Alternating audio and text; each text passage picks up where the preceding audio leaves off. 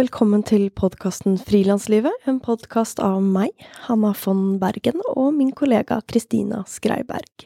Vårt mål med denne podkasten er å være en faglig og inspirerende kanal for alle dere som jobber for dere selv i medie-, kunst- og kulturbransjen. Da vi starta arbeidet med denne podkasten for fem år siden, så visste vi ikke at vi skulle sitte her i dag med over 140 publiserte episoder på vår femte sesong av podkasten.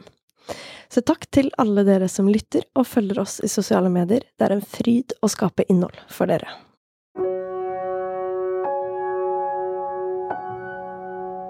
Ukens annonsør er regnskapsprogrammet Fiken. Akkurat som oss brenner fiken for at flere frilansere og små bedrifter skal lykkes, og bak fiken så står mennesker som selv har erfart hvor vanskelig regnskap kan være, og de har derfor laget en løsning som gjør det lett å føre regnskapet selv. Så lett at både Kristina og jeg har brukt det i flere år, og helhjertet anbefaler det til andre frilansere. Vil du prøve fiken gratis i 30 dager? Gå inn på fiken.no. I dag har vi besøk av kunstner Hanne Friis. Hanne er utdannet innen maleri og skulptur ved Kunstakademiet i Trondheim, og er kjent for sine sanselige, abstrakte skulpturer i ulike tekstilmaterialer. Hun har utvikla en spesiell sømteknikk hvor hun folder tekstilet for hånd, bretter og syr tekstilet med en liten nål og fiskesnøre. Dette danner store tekstilskulpturer som ser ut som en organisk, kompakt masse. Hanne er 50 år, bosatt i Oslo, og hennes verk er innkjøpt av annet Kode, Nasjonalmuseet, Nordnorsk kunstmuseum, Sørlandets kunstmuseum, Kulturrådet og Stortinget, samt en rekke private samlinger i inn- og utland. Hun har også stått bak signifikante romutsmykninger, som eksempel på Sentralen i Oslo, og Norges miljø- og biovitenskapelige universitet. Denne vinteren så kan du oppleve Hanne Friis sine skulpturer på Vigelandsmuseet i Oslo. Hei, Hanne. Hallo. Veldig hyggelig å ha deg her. Tusen takk. Du startet å skolere deg til kunstner i 1990, og da var du 18 år gammel. Har du alltid visst at det var kunstner du ville bli? Jeg bestemte meg for å bli kunstner da jeg var 14. Eh, og jeg gikk på et eh, tegnekurs, et malekurs. Fikk, ma eh, fikk mase meg på det når jeg var ganske ung. Jeg var egentlig litt for ung til å begynne på det. Eh, et voksenkurs, da. Eh, og der møtte jeg en lærer som, som var kunstner. Og, eh, og, så må jeg også si det at jeg har hatt veldig mange lærere opp, opp igjennom som har inspirert meg og støttet meg. Og, og, som har også introdusert meg til dette med kunstakademi. Jeg visste ikke helt hva det var. Eh, så på ungdomsskolen så var det en lærer som sa til meg at du skal dit. Eh, og jeg vet ikke. Eh, I hvert fall så sådde et frø i meg da, allerede da. Men jeg tror nok også at det startet kanskje enda mye før, fordi jeg var veldig interessert i kunst og å skape fra jeg var barn. Og jeg møtte også kunstnere faktisk som vikarer på skolen, på barneskolen, som gjorde veldig inntrykk på meg. Det var noe som jeg veldig, ble veldig fascinert av. Hva tror du det var med kunsten som traff deg så veldig? Jeg vet ikke. Det, er bare, jeg har bare alltid vært veldig interessert i det. Å male og, og, tegne og skape ting med hendene. Jeg er veldig opptatt av maleri også, og det er bare noe at det treffer noe i meg. Og også det å se kunst. Og jeg begynte allerede som 14-åring, så begynte jeg å gå på eh, Nasjonalgalleriet eh, alene. Etter å ha vært på McDonald's med venninnen min, så dro jeg alene på Nasjonalgalleriet og gikk gjennom de, eh, de salene der, da, og ble veldig berørt av det. Det liksom berørte noe eh, i meg, da. Eh, men også litteratur, og lese bøker. Jeg var veldig glad i å lese, og var veldig mye på biblioteket der var det faktisk også stilt ut noen bilder på mitt lokale bibliotek, på Eiksmarka bibliotek, hvor det var noen, sikkert noen sånn amatør, glade amatører som hadde en bilde. Men jeg gikk alltid bort og så på de bildene og tenkte at å gud, når jeg blir en gang, så har jeg lyst til å stille ut bildene mine. Eh, eller det jeg gjør. Det var også noe som ikke bare å gjøre det for seg selv, men også det kanskje å formidle noe til andre, kanskje. Ja. Mm. Eh, ja, vise, vise, det frem, faktisk. Mm. Du ble ferdigutdanna for 26 år siden, etter seks år med kunststudier. Og så har du arbeida som kunstner siden den gang. Hva var dine tanker om hvordan en kunstnertilværelse kom til å se ut, eh, versus hvordan den faktisk ble og er? Denne læreren som jeg hadde på friundervisningen, på tegnelæreren, som var kunstner, utøvende kunstner. Jeg intervjuet henne, for alle skulle intervjue en person som hadde et yrke som de var interessert i, og da intervjuet jeg en kunstner. Og hun hadde jo vaskejobb, jobbet på undervisning og hadde barn jeg, altså, Hun hadde fortalt ikke om noe sånn veldig eh, glamorøst liv, så jeg hadde jo absolutt ikke noen tanker om det, men likevel så var jeg villig til å gå den veien, da. Jeg visste ikke hva Jeg visste, hadde ikke så store planer om akkurat hvordan dette skulle gå til, annet enn jeg bare jeg startet et sted, så jobbet jeg, jeg videre med det, men eh, jeg tenkte vel alltid at jeg kunne ha en jobb ved siden av som jeg kunne at jeg, at jeg, klarte å forsørge meg på en eller annen måte. Eh, jeg klarte å, å, jobbe, det klarte jeg, så jeg tenkte at det skulle gå. Men jeg var veldig naiv. Det, det var jo veldig tøft. Det var det. Hva har det krevd av deg å kunne jobbe aktivt med kunsten? Jeg husker faktisk at når jeg var student på Akademi i Trondheim, og jeg var på en workshop i, i Finland, og der møtte jeg faktisk den veldig kjente kunstneren Luc Toyman. Eh, og han sa det at det tatt, tok ti år, og, etter at man var ferdig studert, å bygge en karriere. Det sa han, da. Han hadde jo en veldig bra karriere. Eh, jeg husker at det liksom gjorde inntrykk på meg. Eh, vet ikke hvorfor det festet seg, men jeg må si at når jeg var ferdig på akademiet, så da gikk det litt nedover. Det var ganske tøft å flytte til Oslo og ha atelier. Prøve liksom å stable på beina en økonomi, da. Klare liksom å jobbe samtidig som du skal være i atelieret. Eh, det var veldig strevsomt å finne en slags sånn balanse og selvfølgelig ha veldig ja, alltid sånn usikkerhet og aldri få jobbet nok, og også ganske lite respons i de årene der. Eh, så mm, jeg er glad for at jeg holdt ut, da, kan du si. Liksom nesten tenkt at å, nå melder jeg meg på og blir lærer eller et eller annet, men så fikk jeg, hadde liksom fandenivoldskhet også over meg, da. Og jeg har ofte måttet si til meg selv, eh, i hvert fall jeg husker veldig godt en periode hvor jeg hadde et atelier nede i kjelleren, en kjeller, og og, og, det var liksom Det var en litt sånn tung periode hvor jeg Selvfølgelig også kunstnerisk litt vanskelig å vite um, hva du driver med, og, og hvem du er, og, og, om det er liv laga. Um, spesielt når du har dårlig råd og, barn å forsørge og, de tingene der. Uh, men, um, men da tenkte jeg at jeg gjør dette her, og for meg Jeg gjør dette her. Så jeg, jeg, jeg bare fortsetter med dette her, for dette gir meg gir meg glede. Eh, jeg syns at det er interessant. Du har flere barn som kom ganske tett, mm. Og i en periode på ti år så jobba du nattevakt og dro rett til atelieret etter jobb for å kunne jobbe med kunsten før du dro hjem til barna dine.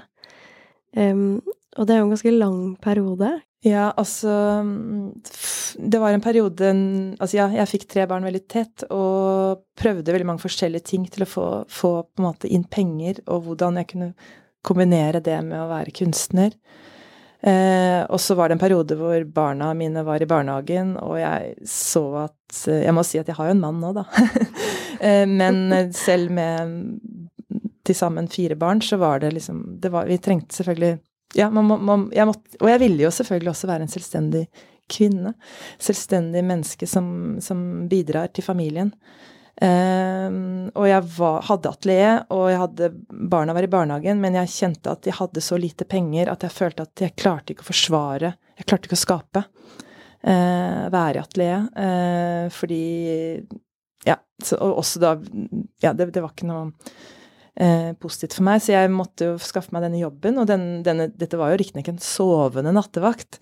Eh, så gjorde at jeg jobbet fire, fire, netter, sov jeg borte, og så hadde jeg en uke fri, og så sov jeg tre netter. Og sånn gikk det. Dagene. Eller ukene.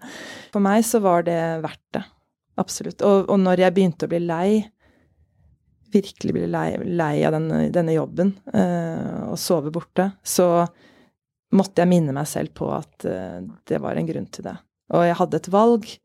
Uh, man har alltid et valg, og det var det jeg valgte. Det at jeg kunne jobbe, ha den kontinuiteten, var veldig viktig for meg. Mm. Være i atelieret mest mulig.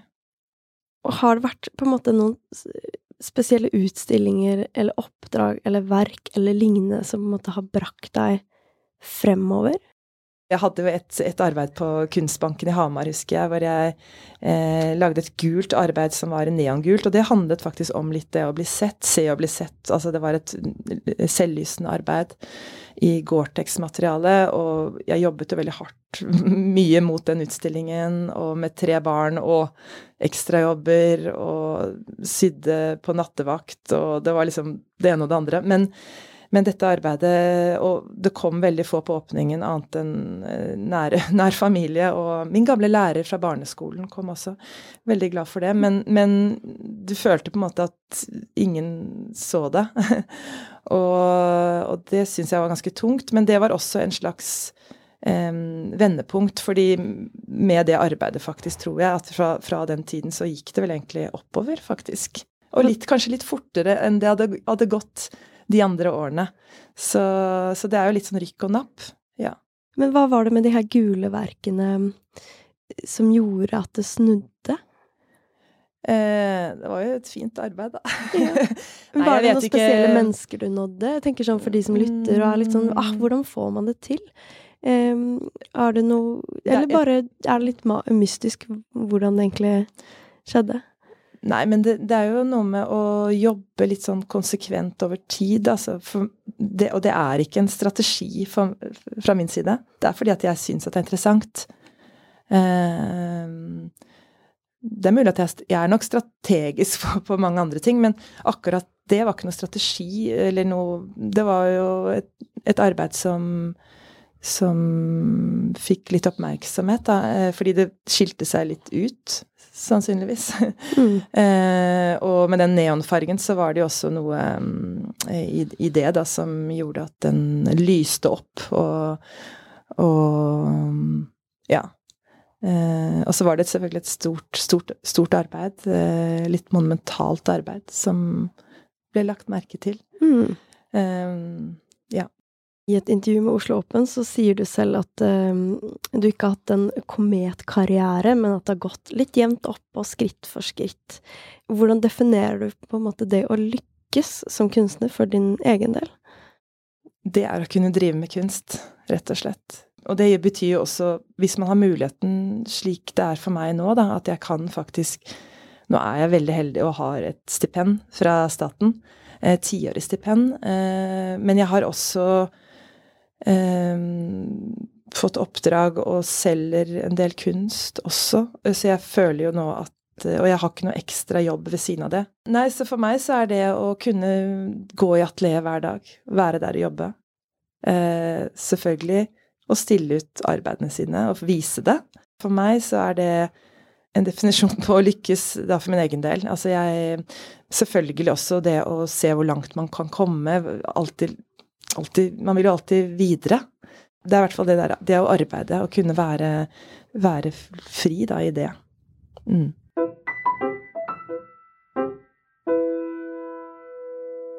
Som nevnt i introen, så lager du dine tekstilskulpturer ved å folde, brette og sy med en liten nål og fiskesnøre.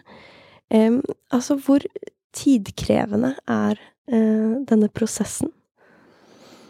Ja, den er jo Den er jo tid, veldig tidkrevende. Eh, det er den. Jeg får veldig mye spørsmål om det. Eh, jeg er ikke så opptatt av det selv, egentlig. Liksom, det er blitt så naturlig for meg, og jeg liker veldig godt det, da.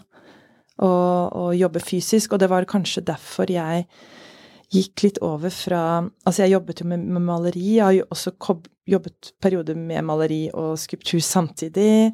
Eh, I maleriet så opplever jeg i hvert fall den type maleri som jeg jobber med, eh, er veldig sånn spontant og direkte, men du kan ikke stå og jobbe på et bilde, altså på den måten, eh, i, i, åtte timer.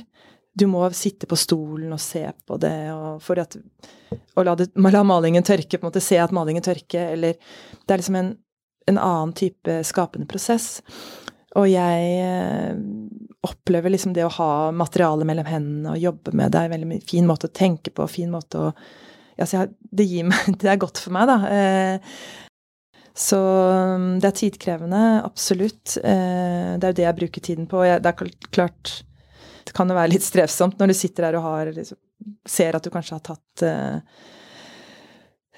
Ja, du har veldig mye Eller du har my mye igjen, da, på en måte på noe som skal bli ferdig, eller selvfølgelig. Men, men stort sett så syns jeg nyter jeg veldig godt det arbeidet.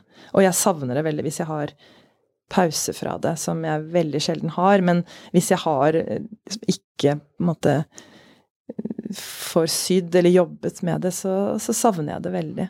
Hva vil du si kjennetegner dine arbeider? At de er eh, sanselige. Det er vel det man mange snakker om. Eh, sanselige. Eh, materialene er veldig viktige. Jeg er veldig opptatt av farge og materialer. Og hvordan de sammen på en måte har, har et språk. Da. At, det, at det, nettopp det abstrakte. For jeg er veldig interessert i det, på en måte, hva materialene kan fortelle, hva slags informasjon de har, og, hva slags, og også farger. Mm, hvordan forholder du til farge? For jeg har forstått at du blir veldig inspirert av farger og bruker veldig mye i kunsten din. Hvordan er det på hjemmebane, i hjemmet eller med klær og fargebruk? Hvordan forholder du deg til det på andre områder i livet? Farge er litt slitsomt, på en måte. Altså, jeg er ikke så, jeg er ikke så Nei, jeg har ikke så mye farger, farger hjemme som uh, Det har jeg ikke. Men, uh, men faktisk det, det, må jeg bare si. Uh, jeg kjøpte meg faktisk i en sånn turning point-periode hvor jeg var etter denne Jeg var liksom litt Ja, igjen bruker jeg ordet fandenivoldsk. hvor jeg gikk inn på Fretex, og så kjøpte jeg meg en gul gul, sånn sennepsgul, men veldig sterk eh, frakk, eller kåpe, eller ja, frakk, vil jeg si, eh, som jeg da tok på meg. Og den ga, følte jeg liksom ga meg litt sånn power. eh, og da For da husker jeg veldig godt at jeg skulle da sende inn en søknad til Skulpturbinalen. Jeg bestemte meg for at jeg skulle gjøre det på litt sånn kort varsel, da. Eh, gikk jeg opp til eh, gikk, Tok jeg på denne frakken og gikk gjennom byen, rett opp til Vigelandsmuseet. Og så gikk jeg en runde rundt i museet, og, og så fikk jeg en idé, og så gikk jeg hjem, lagde noen skisser og skrev en søknad. Og liksom det også arbeidet som Jeg ble jo også stilte ut dette arbeidet på Vigelandsmuseet. Eh, jeg kom jo med på denne skulpturbinalen, og da følte jeg at det var liksom en slags sånn derre At jeg kjørte på, liksom. at jeg liksom Nå bare kjører jeg på. Eh, så den, den, frakken, den gule frakken, den uh, var jo ikke spesielt pen, da, på en måte. Den var litt fin, men samtidig var den mer uh, Den ga litt sånn energi, litt kraft, som jeg trengte, da. I en ellers kanskje litt sånn mørk garderobe, ja.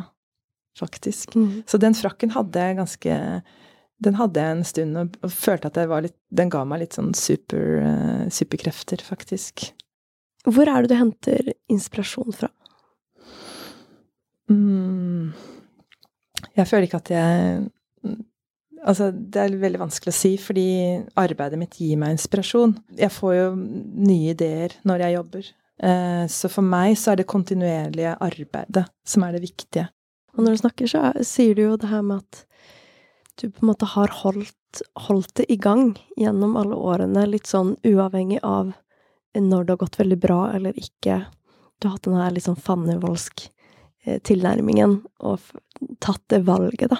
Mm. Eh, du slår meg jo som en som har ganske sterk arbeidsmoral. Stemmer det? Det stemmer.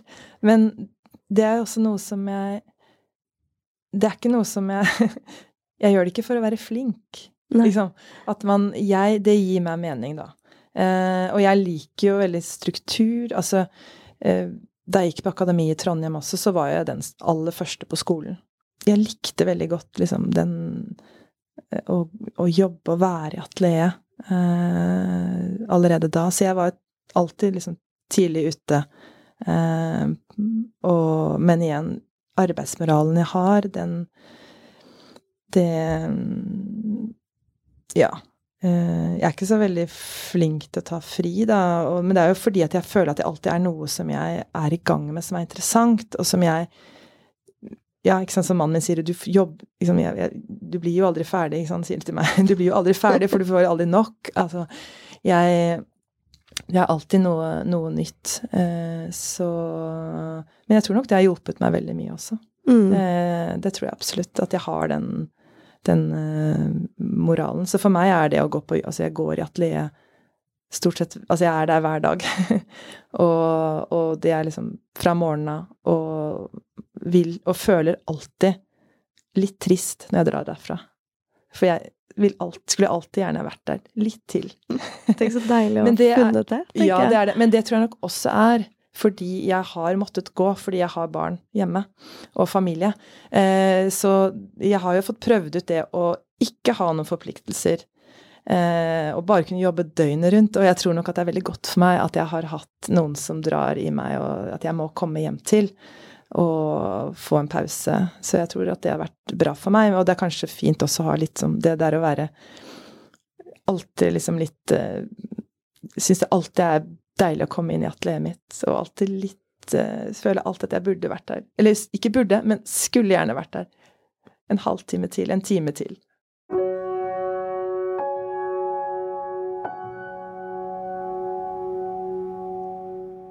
Ukens annonsør er en treningsapp som heter Bruce. Jeg er selv medlem, og jeg digger at man gjennom Bruce får tilgang til, og ikke minst kan støtte og oppdage, også små og uavhengige treningssteder, og for min del yogastudioer. Og ikke minst har jeg, som har utdannet meg til yogainstruktør i pandemien, også yogatimene mine tilgjengelige via Bruce. De finner du under senteret Movable i appen, og timene holdes på Factory Tøyen, hvor både Bruce og vi i frilanslivet holder til når vi jobber. Har du lyst til å prøve Bruce? Du får 50% avslag første måned hvis du bruker koden frilanslivet ved innmelding. Ha det gøy, og jeg håper vi ses. Kan du beskrive litt hvilke temaer du er opptatt av å utforske? Med arbeidet mitt så føler jeg jo også at jeg egentlig alltid har holdt på med det samme, da. Eh, og det handler egentlig Det handler om livet, og det handler om døden. Altså det handler om en slags sånn Altså dette med at vi, vi, vi, vi er en del av et kretsløp. Altså vi er en del av en, eh, en, en syklus, eller at vi skal dø, da, rett og slett. Eh, at og også- også at vi på, på den måten også er liksom forbundet med naturen. Så arbeidene mine har jo alltid vært veldig kroppslige, og de var jo enda mer kroppslige når jeg var eh, altså på akademiet. De tidlige arbeidene mine var veldig rå og veldig kroppslige. Og de hadde kanskje et mye mer sånn avskyelig uttrykk også, for de var, veldig, de var mye mer sånn direkte kroppslige i, i materialvalg og, og uttrykk. Jeg følte vel kanskje at jeg måtte Etter hvert sånn transformerte jeg det mer om til noe som var um, litt mer vakkert, hvis man kan si det sånn. Litt mer tilgjengelig. Fordi jeg følte at det kanskje støtet folk fra Altså, jeg støtet Det ble litt for mye. Mm. Eh, men jeg vil alltid ha den litt sånn ambivalensen i det. At det er litt tvetydige. Eh, som minner oss liksom mer på eh, Kanskje ja, mørkere, mørkere sidene, da, ved å være menneske. Eh, det må være disse kontrastene. Og du lager dine skulpturer eh, i mange ulike typer tekstiler. Alt fra Mm. silikon, lateks, viskose, bomull, eh, refleksstoff. Kan du fortelle litt om måte ditt forhold til eh, materialer og de her ulike typer tekstilene? Altså en periode så jobbet jeg jo veldig mye med plantefarging og bomull, bomull og viskose, men stoffer som i hvert fall og, og med farger som var veldig nær naturen. Eh, og som var veldig liksom dempede toner som lå veldig Ja, som, som fungerte veldig fint sammen, men det var, veldig, liksom, det var litt mer eh, Altså materialene var litt mer vennlige, på en måte. Nå jobber jeg med materialer som er mer syntetiske. Eh, plast, plast og ting som er, har en sånn avstand i seg, da. Eh, som også er litt ubehagelige. Og også med farger som jeg egentlig har At jeg har valgt blant annet farger som jeg syns er skikkelig Nå er det veldig lite farger. Det er veldig mye sort og Sort, både blankt, sort, glinsende plastikkstoff som jeg litt sånn ubehagelig. Man vil helst ikke ta på det. Man kjenner litt, sånn, kjenner litt fysisk, da, faktisk, når man ser det. Eh, men også en sånn turkis farge som Jeg tenkte at den stygg... Jeg ville gi meg selv litt motstand. Den styggeste fargen jeg kunne tenke meg. Og da valgte jeg, valgte jeg den fargen. Hvorfor gir du deg selv den motstanden med å velge det, den styggeste du finner? på en måte? Nei, altså jeg kunne jo Dette er jo arbeider som jeg skal ha med til Vigelandsmuseet, og jeg hadde jo egentlig drømt veldig lenge om å stille ut i Vigelandsmuseet, og jeg hadde nesten I hodet mitt hadde jeg sett det for meg hvordan arbeidene mine kunne vært der, og i, egentlig så kunne jeg bare brukt de arbeidene jeg hadde, eller samlet inn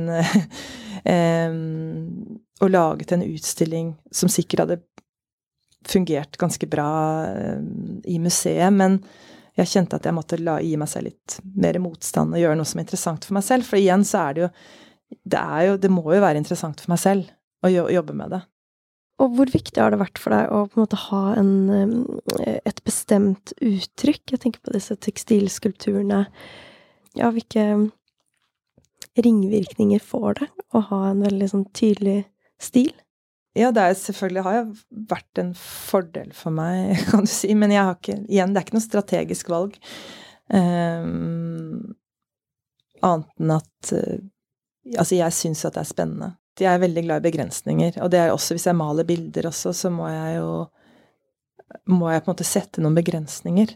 Uh, fordi i maleriet, da, så hvis jeg skal sammenligne det, så er det jo på en måte Alt er jo mulig når du står overfor en, en, et et lerret eller foran, foran en flate. Eh, og, og da, må man, da må jeg ha noen slags sånn regler, annet med farger, at jeg velger ut noen farger, og ikke liksom kan bruke alle farger. Eh, så, så, det har bare blitt en naturlig, liksom en slags metode for meg, da. Trenger nok noen rammer for å kunne skape. Eh, ja. Eh, så jeg liker ofte å finne på noen regler. Av og til kanskje er jeg litt streng, streng med meg selv. Men, eh, men, eh, noen prinsipper, kanskje, ja, mm. for et arbeid. Mm. Kan du utdype litt hvordan de her prinsippene kan se ut? Ja. Jeg hadde en litt sånn dårlig, litt sånn tullete prinsipp. Da jeg lagde en, en, en stor skulptur i jeansmateriale eh, som ble vist på Henny Onsdag, så hadde jeg et prinsipp at jeg skulle rekke pakke opp liksom for hånd, istedenfor å klippe buksene. For, altså for dette er laget av en, en, Det er en skulptur som er laget av masse, masse, masse jeans.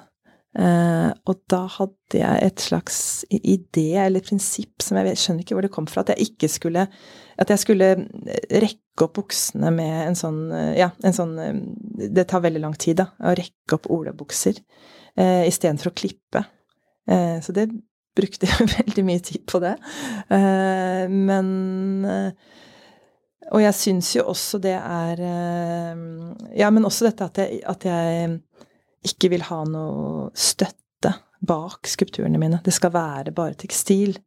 Så jeg kunne selvfølgelig laget mye mer volumiøse former eller større former hvis jeg hadde noe liksom en sånn støttet opp med noe fyll bak. Men for meg så er det en sånn idé om at det skal bare være det tekstilet da, det er laget av.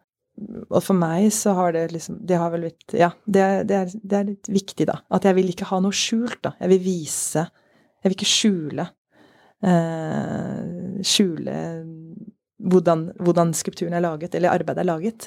Det tror jeg er en sånn derre Også sikkert en sånn skade fra, fra bakgrunnen min fra 90-tallet. Også litt den minimalistiske skulptur på en måte idealene, da, som også handlet litt om det at du, du skal liksom vise, vise, hva det er laget av, vise Alt skal fram, på en måte. En sånn ærlig En slags form for ærlighet, da. Som jeg har holdt på. Mm. Mm. Alt har betydning, da. Og hvis ikke, så Det må på en måte Ja, detaljene ting, alt har betydning, og det er viktig. Det syns jeg er viktig. Ellers er det ikke poeng, liksom.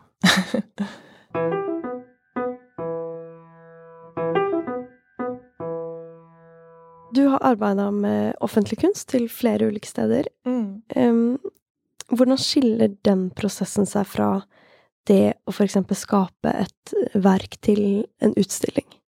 Hvis det skiller seg? Både og, egentlig. For jeg jobber ofte, veldig ofte med rommet og stedet jeg skal stille ut. Jeg blir også veldig fort inspirert av rom, eller av steder, men også av oppgaver. Hvis jeg får en oppgave, så får jeg veldig fort ideer. Eh, så da med for eksempel Så hvis du har en utstilling hvis jeg, hvis jeg, vet at jeg skal ha en utstilling, så besøker jeg stedet og er der, og så får jeg veldig ofte noen ideer til Både til, både til kanskje situasjonen, altså hvor det stedet er i verden, eller i, hvor det ligger hen, og, og, eh, og, og rommene, sånn rent fysisk i rommene. Men eh, eh, Og i en utsmykking så er jo det selvfølgelig veldig sånn definert, da. At du har eh, Det er en oppgave, da. Og da, da er det enda flere begrensninger, kan du si. Eh, så det, det, kan jo være litt mange begrensninger også. Mm. Utfordrende, og, og, skal fungere på en annen måte. Kan du fortelle litt om prosessen med å skape eh, kunstverket til Sentralen i Oslo? Eh, ja. Som jeg vet at du har gjort et verk for. Og ja. Sentralen er da et allsidig arrangementshus i Oslo som eies av Sparebankstiftelsen DNB, for de som ikke kjenner til det. Mm. Mm. Ja, det er jo på en måte Det er jo, et, det er jo et, en skulptur som også Den kunne selvfølgelig Ja, først kan jeg si at jeg Det er altså i dette Det er en gullskulptur, jeg kan bare si det. Altså, den ser ut Den er laget av gulltekstil. Og grunnen til at jeg valgte det gulltekstilet, var jo det at det er en bank, da. En tidligere bank. Eh, og der fikk jeg jo ideen bare Jeg besøkte det, og så fikk jeg en ideen visste hva jeg ville lage, og så kjørte jeg på og gjorde det. Um, så jeg ville på en måte um, Ja, så jeg hadde da en Hadde da Valgte meg et sted hvor jeg kunne tenke meg å eh, ha, gjøre noe, og, og, da valgte jeg jo det, dette, dette rommet som nå brukes ved siden av ja, skal se, det, Hva heter rommet nå, da? Men det i hvert fall Som er, brukes som et sånt type Det er et sånn allsidig rom, da, som er sånn aktivit... Ja, man, konferanser og møter og og rommet var veldig rått, da, fordi arkitektene hadde valgt å beholde litt den råheten i bygget, som sto i kontrast da, til det litt mer eh, staselige, staselige marmorsalen og, og, trapperommet og ja. Så jeg spiller jo litt på dette her med at eh, Å trekke inn gull, da. Eh, og også dette er en slags sånn voksende skulptur som også er veldig organisk. At det er At det er Ja jeg vet ikke om jeg trenger å si eller klarer å beskrive det så veldig mye mer, men det er i hvert fall en, en voksende gullskulptur. Altså gull som en levende, levende, gull, på en måte. Og så kan man jo um, Ja. Eh, og så er den jo, kan den jo kanskje se litt eksklusiv ut, for jeg spiller jo ofte litt på det, men så er den jo bare laget av et ganske simpelt gullmateriale, da. Et tekstilmateriale. Det er også noe jeg syns ofte er litt sånn spennende med den ambivalensen i materialet. At materialet er litt sånn kjipt, kanskje. Og så blir det noe som ser litt sånn ja, eh, kanskje eksklusivt ut, eller ser eh, Det blir transformeres til noe eh, Til noe annet, da. Eh, og, eh, og, den skulpturen, den begynte jeg jo på Jeg fikk jo som sagt veldig, veldig raskt idé på hva jeg ville gjøre, og begynte å jobbe på det, og gjorde det i atelieret mitt. Eh, den er også surret igjen. Det er også et sånn surreprinsipp som er tøysete, egentlig. For den er også består bare av tekstil i gull. Det er ikke noe noe slags sånn struktur, eller inni en, en slags Ja, det er bygget opp bare av det tekstilet, da. Eh, så, men det, ja, men det er jo et Ja, igjen dette prinsippet om å bare eh, bygge opp skulpturene av selve materialet helt fra bunnen av. Så jeg bare surret og surret og surret helt til det blir sånn tjukke pølser som da vrir og vender seg, og ja, som blir denne litt sånn organiske treformasjonen, veksten på veggen. Um, så jeg gjorde da store, største delen av arbeidet i atelieret, og så jobbet jeg på stedet i to uker. At jeg monterer den og fortsetter å arbeide på stedet. Det er også noe jeg kan like veldig godt. Å stå i rommet og jobbe på den. Så ja. Så det var det. Men det, det, et, det skiller seg jo litt fra det Den type arbeid er jo på en måte en veldig eh, Det er et stedsspesifikt arbeid, men samtidig kan kan jo den skulpturen egentlig flyttes, da. Eh, så jeg jobber jo litt med det der liksom litt objektet, mens, mens, andre ganger så er det mer kanskje en installasjon, eller et mer et litt sånn større verk som er laget helt spesifikt eh, til et sted i forhold til montering, som for eksempel da på Lillestrøm bibliotek, som jeg jobber med nå, hvor det er på en måte eh, Det er ikke et arbeid som skal flyttes, for det er laget til et vindkryss i et rom, så det er veldig sånn plassert der. Du har vel mange ulike typer utstillinger, og gjør uh, har gjort ganske mange verk til offentlige plasser også. Hva gir på en måte den mm, variasjonen der? Ja, det er jo Jeg syns jo det er veldig fint å kunne kommunisere da, med flere mennesker. Og lage noe til et rom, at det skal være der. Eh, ja, over tid.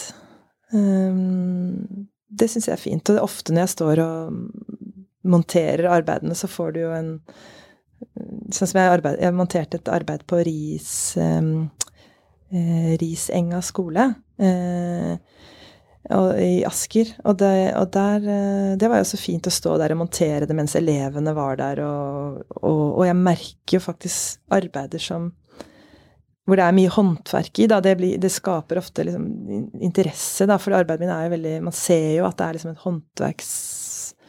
Eller det er ikke alltid man ser det med en gang, men, men etter hvert så skjønner man kanskje Oi, dette er laget for hånd. ikke sant? Det er liksom tid, en kunstner som har brukt tid på det. Og, og, og, og det er mange som verdsetter, da. Det er mange som verdsetter det.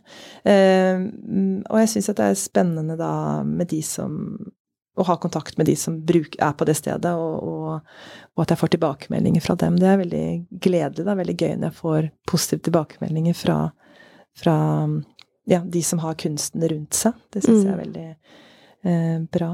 Um, et kunstverk skal jo være spennende over tid, da. Det er liksom en kvalitet, tenker jeg er en kvalitet. At det, det må faktisk være noe som ikke bare er en, et påfunn, men det må være noe som varer over tid. Det er i hvert fall det jeg ønsker veldig sterkt. At man skal se på det, og så kanskje ser man nye ting. Jeg tenker offentlig kunst har en så viktig rolle i forhold til at det ikke er alle som oppsøker eh, mm. gallerirommet. At det kanskje er forbeholdt um, visse segment av befolkningen, mens offentlig kunst, i og med at det er på skole, mm. um, eller um, ja, på Ja, sånn som et kulturhus eller i en, en bank, eller det, det er overalt. Uh, så møter det også alle typer mennesker. Mm. Uh, og det er jo veldig fint å tenke på, siden du selv ble inspirert til å bli kunstner fra andre når du var veldig ung, mm. så er det jo veldig gøy å tenke at kanskje din kunst kan ha samme rolle for mm. noen av f.eks. de elevene på skolen. Absolutt, og det tenker jeg også jo, For meg er det jo veldig litt morsomt at jeg nå lager en utsmykking, stor utsmykking til et bibliotek, der hvor jeg møtte kunsten. Jeg håper jo at, mm, at de brukerne syns at det er et interessant verk, da. Etter, eller vil trives med, med det arbeidet. Eh, eller trives, kanskje ikke trives, det er litt feil ord, men eh, jeg tror jeg liker heller interessant. At det gir dem noe, i hvert fall. Så, og jeg må jo også si at eh, arbeidene mine er ikke så kompliserte. Eh, og jeg opplever at eh, at jeg får veldig mye respons fra veldig vanlige folk, så lenge de klarer liksom å være åp... At, ikke, ja, at, de, at de kan assosiere noe. Eh, kjenne noe igjen, eller assosiere ja, eh, assosiere fritt da, eh, ut ifra det de ser. Eh, så det er mange som blir veldig fascinert av det. Så jeg føler jo det er litt heldig, da, på en måte. At jeg får kommunisert på en litt sånn Uten at de helt vet hva de ser. Men de, de kjenner det er en slags gjenkjennelse i, i det. Så, så jeg opplever ikke at arbeidet mine er Jeg opplever at de er, absolutt er for alle. Mm, det er tilgjengelig. Det er tilgjengelig. Det føler jeg absolutt. Mm.